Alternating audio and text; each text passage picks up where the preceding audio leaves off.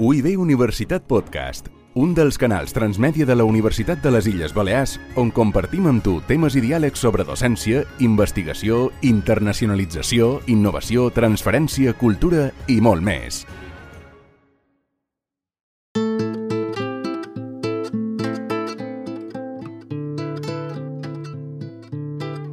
Passau, passau. Això és En quin món vivim, el podcast de l'Oficina de Cooperació al Desenvolupament i Solidaritat de la Universitat de les Illes Balears. I en Xema González, a la part tècnica i qui vos parla, en David Oliver, a la producció, guions i edició, som aquí per arribar al capítol 4 de la sèrie Capitalisme, col·lapse o mutació. I ara tancam aquesta sèrie amb el capítol que hem titulat Hi ha alternatives? En realitat també ho podríem haver titulat Som capaços d'imaginar res diferent? Um, però mos posarem en situació, si voleu. Vos recordam que aquest podcast està fet a partir d'una trobada, dia 5 de juliol de l'any 2022, en el pati de l'edifici de la Riera de Palma, amb un grup de persones, prou diverses, en què parlàrem d'això, de capitalisme, cada qual des de la seva posició, la seva formació, la seva experiència, la seva especialitat. I com deia, la consigna era plantejar-nos la possibilitat d'imaginar un sistema diferent. Per encetar el debat començàrem escoltant una declaració del doctor en filosofia de la Universitat de les Illes Balears, Bernard Riutort, que ens parlava de la carència d'alternatives. El que sentireu després ja serà l'enregistrament que fèrem directament en aquell pati, en aquella ombra d'uns arbres, així que si sentiu renou d'ambient, alguna sirena, eh, que no vos estranyi. Així va ser aquella sessió oberta al públic. Anem ja a escoltar en Bernat Riutort i tot el que va venir després. Sense alternatives no hi ha un altre sistema. I eh, el que ha aconseguit aquesta hegemonia neoliberal tan grossa és que de moment a Occident no hi hagi una altra, una altra alternativa. És a dir, aposta a l'esquerra està com està.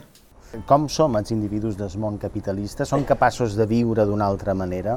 Podem imaginar un món que se basi en altres regles?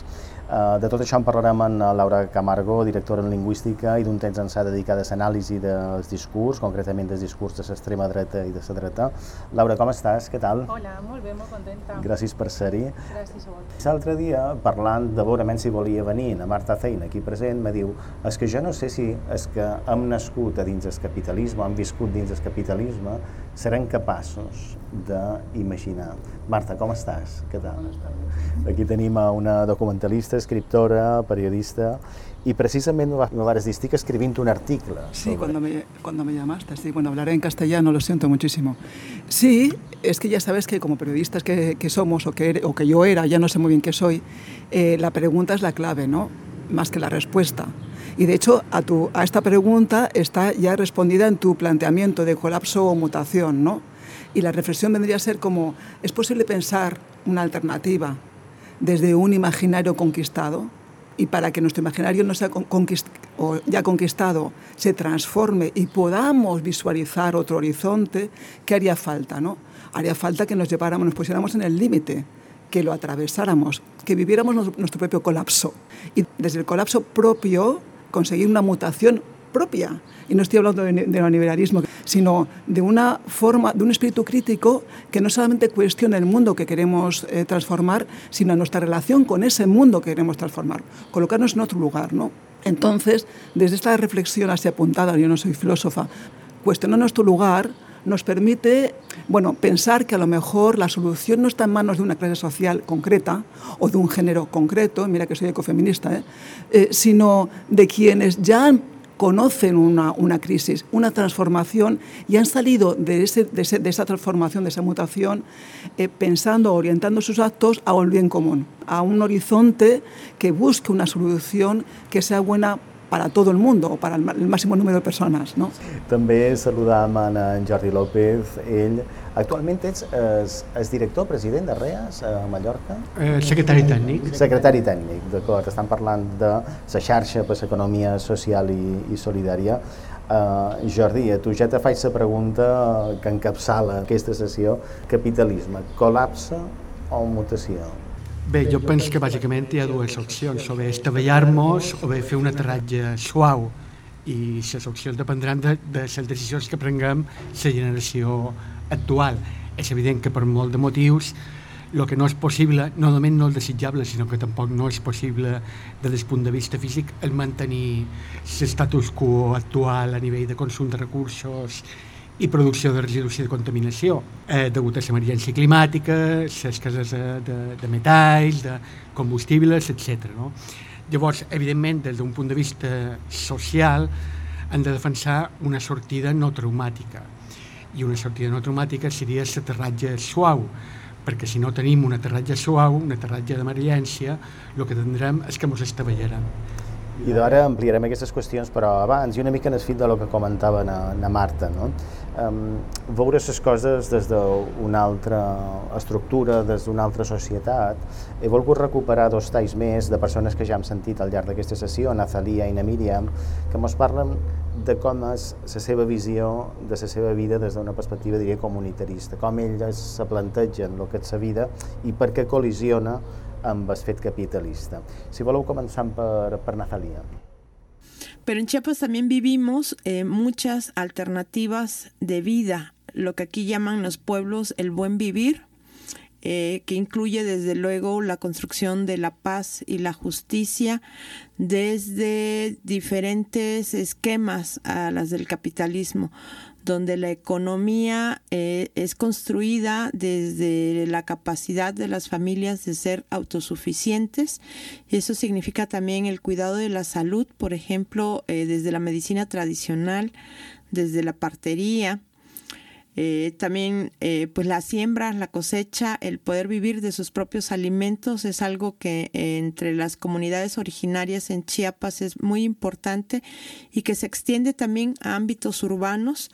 en la zona altos, en donde yo viví muchos años, pues tenemos experiencias de organización comunitaria desde las mujeres, desde las colectivas feministas, desde las redes también y eso es un gran aliento de esperanza para poder seguir caminando hacia formas no capitalistas de la vida. I també podem escoltar a Míriam Miranda, ja ho sabeu, lideresa garífuna Honduras. En pleno siglo XXI nos damos cuenta que los pueblos indígenas, los pueblos culturalmente diferenciados, no estábamos equivocados en, en esa práctica y defensa de la vida de la sobrevivencia y sobre todo basado en la no explotación de los recursos naturales indiscriminadamente, que hoy por hoy pues está sumiendo al, al mundo en una gran crisis que se refleja en lo que son las diversas crisis como la crisis climática, la crisis sanitaria y otras crisis. Entonces, este modelo de vida que hemos venido defendiendo, luchando por ejercer ese derecho a nuestra autodeterminación, a tomar las decisiones en nuestros territorios, pero sobre todo a proteger los recursos naturales, es un modelo que es totalmente diferente y contrario a ese sistema capitalista que se ha venido imponiendo en las últimas centurias. Testimonis que ens parlen de formes de vida, de plantejaments de vida, de més molt profuns. I Laura, amb això m'hauràs de permetre que faci una mica de referència en el, en el teu passat polític. Quan tu proves de fer les coses des de dins l'institució, te trobes eh, frenada per una qüestió sistèmica? Sí, dir sí. que no seria amagar la realitat. És, és absolutament cert que el sistema està preparat perquè el sistema continuï funcionant sense canvis molt dràstics. És a dir, són permeses les petites operacions, normalment epidèrmiques, superficials, per tal de que el capitalisme continuï funcionant. El sistema, jo quan dic sistema, és un sinònim de capitalisme, val? llavors abreviaré de vegades i diré sistema. Sistema, sistema capitalista. Llavors, um, el, les institucions són pro-sistema i estan dissenyades per tal d'impedir canvis profuns. Llavors, la primera cosa que m'ho va impactar justament va ser això. Jo era i som una dona anticapitalista, ecosocialista, ecofeminista, i quan vaig arribar allà m'ho vaig adonar de que seria impossible absolutament dur a terme moltíssimes de les coses que eren capdals, que eren centrals en aquestes idees eh, meves no? que havia cultivat i que havia, en les quals havia militat com a activista i com a, i com a militant d'una organització política abans de Podemos, això um, era existir abans de Podemos, i encara existim i continuarem existint, eh, o això espero. I, i aquestes idees xocaven frontalment en contra d'una institució feta a mida per, pel manteniment de, de les corrents dominants. Llavors va ser molt complicat i per posar dos exemples que crec que són de vegades més il·lustratius que no pas un rotllo eh, teòric o un rotllo sense il·lustració, Um, una de les qüestions que més me va sobtar va ser el tema de l'autopista Llucmajor-Campos, que va ser una bona ferida que se va fer en aquesta terra, en aquesta illa, sense cap tipus de necessitat real. Eh, se podien haver fet i calia fer una sèrie de reformes en aquella carretera, que era una carretera molt perillosa, és cert, se podien haver fetes moltes modificacions, obres eh, importants, fins i tot una limitació necessària de la velocitat, però aquella autovia, aquell tram que s'ha fet, que ha destrossat una bona part de tota aquella vella terra de, de l'interior de, de, de Mallorca, era absolutament innecessària. Però tots els partits, fins i tot el meu partit, va passar per aquest aro i va dir sí a una, a una concessió, a una uh, construcció, a una obra pública finançada amb un dobbers que se podria haver invertit en moltíssimes coses molt més necessàries perquè això estava ja dictaminat des d'abans des d'abans d'arribar-hi nosaltres. És a dir, moltes coses ni tan sols tens la capacitat de decisió d'aturar-les perquè ja s'han decidit abans i perquè n'hi ha poders econòmics molt importants que ja han decidit que això s'ha de fer. Això és una qüestió. I l'altra qüestió, el tema de, dels hotelers, del poder que tenen realment en aquestes illes a les grans cadenes hoteleres i els turoperadors i que això passa per damunt de qualsevol partit polític, de qualsevol persona amb aspiracions de canvi real i de qualsevol projecte que confronti amb aquests poders que són els que veritablement comanen sense presentar-se a les eleccions. Que ha de passar perquè hi hagi una resposta social? Què pot fer que eh, sorgeixi un canvi des de baix?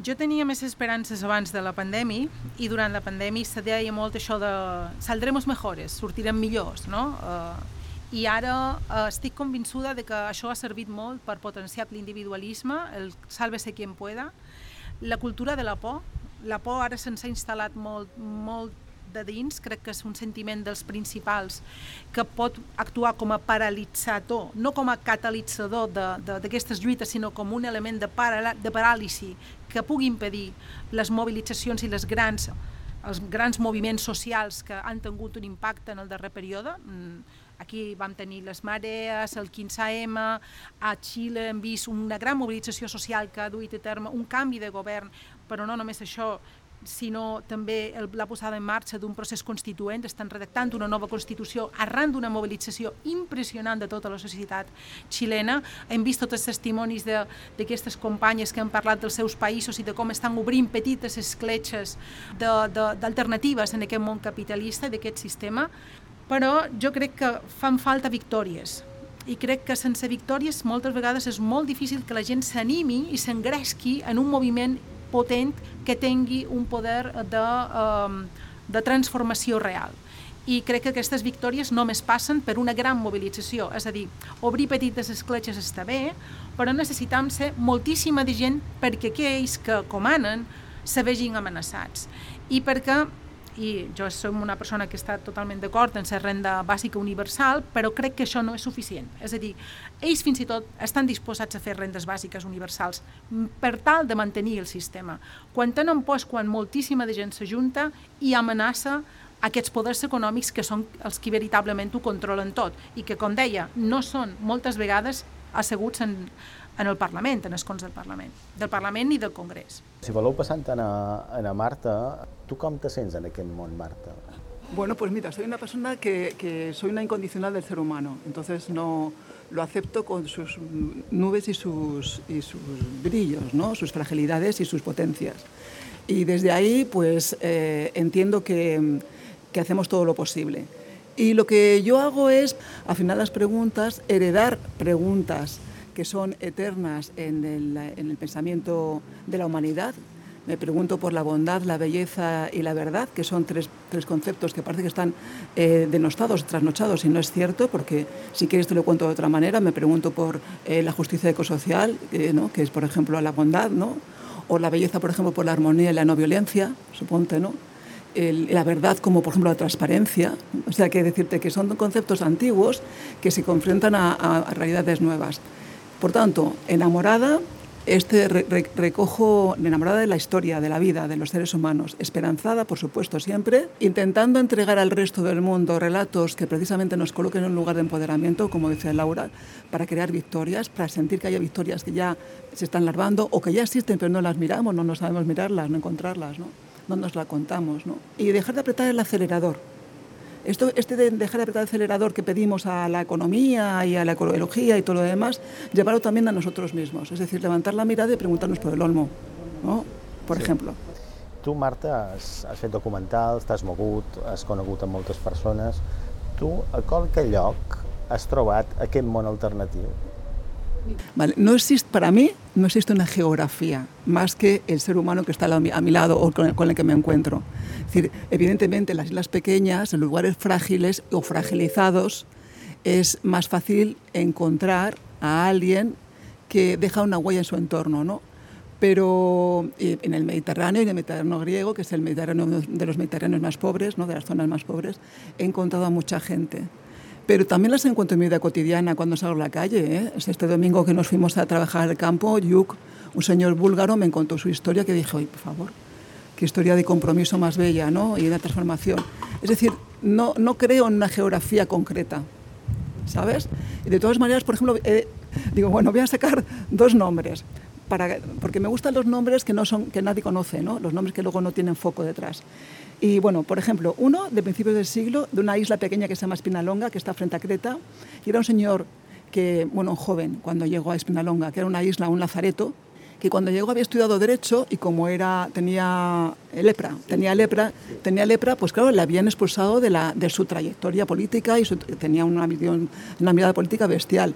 Bueno, pues se fue allí a, a este lazareto, es un chiquitita, muy chiquita, y transformó la vida de todos los enfermos y enfermas que estaban allí. Eh, les trajo música, les hizo, les hizo eh, recordar que eran seres humanos, les trajo, o sea, transformó su vida y la, la vida de los demás. Creo que no hay verdadera revolución si tú no participas en ella y te transformas en ella. ¿no? Y por ejemplo, este señor se llamaba, lo tengo aquí, Epaminondas Remoundakis. Bueno, un nombre difícil.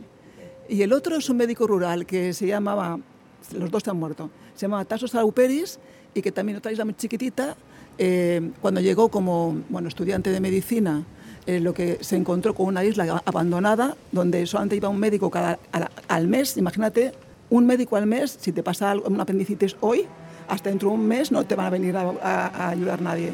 Se enamoró tanto de, la, de las relaciones personales que había en esa isla y de la escasez, que dijo que se quería quedar allí, renunció, digamos, a las ayudas del Estado, se quedó allí comprometido con, o sea, con, su, con, su, conocimiento, lo utilizó para bien de la comunidad, se convirtió en alcalde y transformó la isla. Y ahora esta isla, por ejemplo, es una isla autogestionada energèticamente. Per exemple, perquè clar, una cosa lleva a la otra, no? Jordi, um, les iniciatives d'economia social i solidària poden ser aquestes illes i quin potencial de creixement tenen com a alternativa? Bé, per una banda hi ha un repte d'escalabilitat, de, és a dir, de fer-se cada vegada més grosses perquè no siguin purament minoritàries i, per tant, de fer front a aquest repte d'escalabilitat. No? Per exemple, hi ha supermercats cooperatius, estic pensant, per exemple, una Pamplona que té moltes dècades de vida, que té milers de, de socis, no? Però, per una altra banda, es, hi ha reptes des, descontrol democràtic, és a dir, moltes vegades el creixement i, i, i el control democràtic poden ser fets contradictoris. No? Llavors, per resoldre aquest tema des del punt de vista de l'economia social i solidària, se pensa que el millor crear petites iniciatives locals, descentralitzades, encara que estiguin enxarxades o connectades, que no una gran eh, macroiniciativa, encara que sigui de caràcter eh, alternatiu, eh, més grossa. No? Posaré un exemple molt concret Eh, Som Energia té valor no només perquè comercialitza energia d'origen 100% renovable i aposta per un altre model energètic. També té valor perquè és un, una eina democràtica, d'empoderament de la ciutadania en un tema tan fonamental com és eh, l'energia. No? Però si, si Som Energia arribés a tenir eh, centenars de milers de socis, ja no podria ser una entitat participativa en democràcia interna, per tant seria el millor no crear una gran macro som energia en, amb un milió, dos milions o tres milions de persones sòcies, sinó crear iniciatives més petites, més locals, més descentralitzades, òbviament eh, connectades. Jordi, hi ha un ensinistrament de la persona que se dedicarà a qüestions econòmiques amb una sola línia? És a dir, el sistema eh, ensenya una sola manera de crear economia. Sí, hi ha, hi ha un, un adoctrinament. Hi ha un adoctrinament de, de neoliberal, vull dir, a les universitats de Illes Balears per començar a les, a les carreres econòmiques, no? Eh, l'adoctrinament no és el que moltes vegades denuncia l'extrema dreta com a adoctrinament. L'adoctrinament que tenim és l'adoctrinament en l'economia neoliberal, no? Eh, una persona pot estudiar 3-5 anys de carrera d'esbranca econòmica i només tindrà una única visió que és la, de, del capitalisme. Per tant, Jordi, des d'on surt una economia alternativa? Qui la crea? Qui la pensa? La societat civil. L'economia alternativa és una economia ciutadana, no? I és una forma eh, diferent a la contestació social habitual, purament eh, reactiva, no? L'economia social i solidària intenta donar una passa més, intenta passar de la resistència a la transformació. Ja està bé de queixar-nos per allò que no m'ho agrada i hem d'intentar donar una passa més, construir el futur que volem per nosaltres. No? Pensar que si no construïm el nostre propi futur, ni el mercat ni l'Estat donarà la resposta que nosaltres volem a les nostres necessitats. Laura, una possible alternativa on és? En el que ja coneixem? Amb altres models polítics que ja coneixem o creus que està per inventar?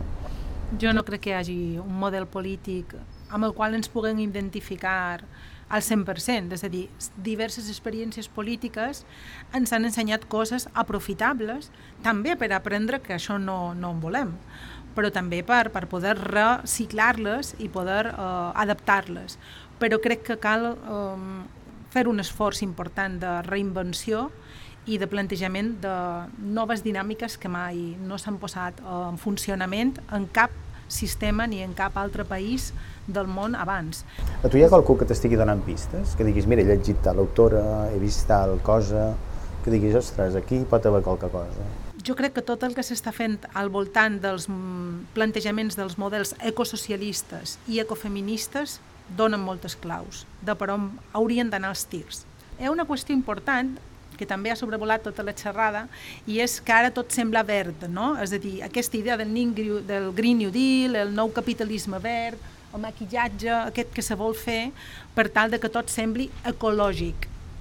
Això mm, jo crec que és una de les pitjors trampes que ens han posat endavant, és a dir, si pensam que transformarem el món només per posar-li una pàtina verda, estem perduts perquè eh, això no és real, això no conformarà canvis reals. De fet, els qui comanen més en el món de vegades se baixen d'aquestes iniciatives verdes perquè no són compatibles amb el màxim profit que és el que vol finalment el sistema capitalista. Sempre guany, més guany i sempre una tassa de, de guany que sigui sempre superior a l'anterior, no? la necessitat de creixement constant i d'acumulació de la riquesa en les mans d'uns pocs, que això també és molt important pel capitalisme, no repartir, no repartir riquesa. Això, les, després de la Segona Guerra Mundial, era una necessitat per tal d'evitar també un esclat com el que hi va haver a, la, a, la, a, la, a Rússia, no? però ara ja jo crec que, que, que s'acumula molt en poques mans. Jo crec que qüestions importants, basta de medides estètiques, basta de que amb cotxes elèctrics i posar plaques solars ho solucionarem tot, això crec que és una, una, un, són fals plans eh, verds i sí que crec que cal fer coses com les que ja s'han dit. Fa falta un urbanisme totalment diferent, un model d'habitatge posat al servei de les persones i no al servei dels fons voltors. Per exemple, aquí ja en Palma tenim un problema importantíssim amb l'habitatge en bona part per aquests fons voltors.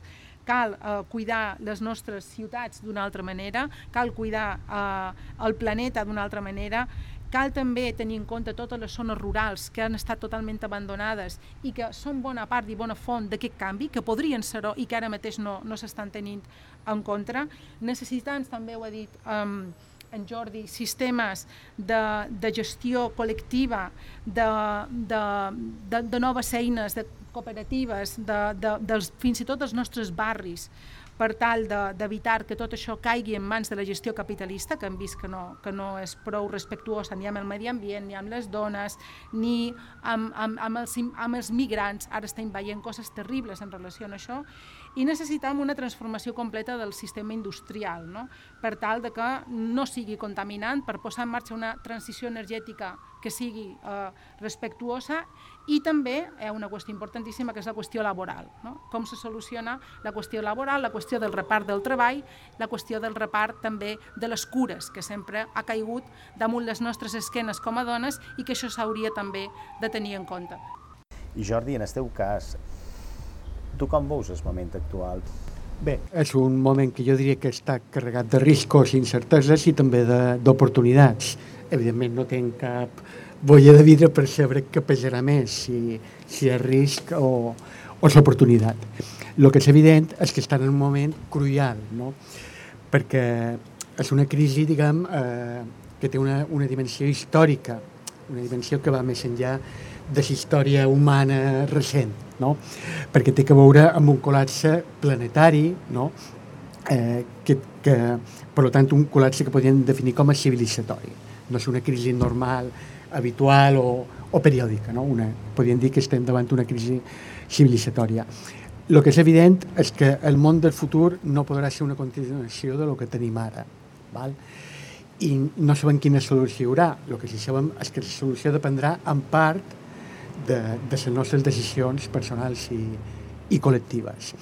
Jo penso que el que és evident és que des del punt de vista de benestar material eh, les futures generacions no podran viure igual que nosaltres, tindran a la seva disposició menys recursos per, per obtenir un benestar i s'hauran de cercar models de vida i, i, i paradigmes vitals, diguem, que no passin tant eh, o que no se basin tant en so, en so benestar material lligat eh, en el consum extractiu i, i ecocida que tenim actualment. El que sí que tenim clar és que el futur serà sí o sí diferent, perquè no pot ser igual que ara. No sé si serà pitjor o millor, si sé que dependrà en part de les decisions que prenguem ara i de Jordi López, Laura Camargo, Marta Cei, moltes gràcies per aquesta estona. Amb vosaltres tancam eh, aquesta llarga sessió. Que vagi molt bé i gràcies per ser-hi. Gràcies. Gràcies a I amb aquest bon ambient, amb aplaudiments, tancarem la sèrie Capitalisme, col·lapse o mutació. Però en quin món vivim continua. La següent sèrie du per títol Combustibles fòssils. Fins quan? Després, què? No deixeu de seguir-nos. Ah, i atenció, que aquest podcast s'enregistra en espais oberts de la Universitat de les Illes Balears. Potser mos trobam i podem compartir una estona. Fins aviat.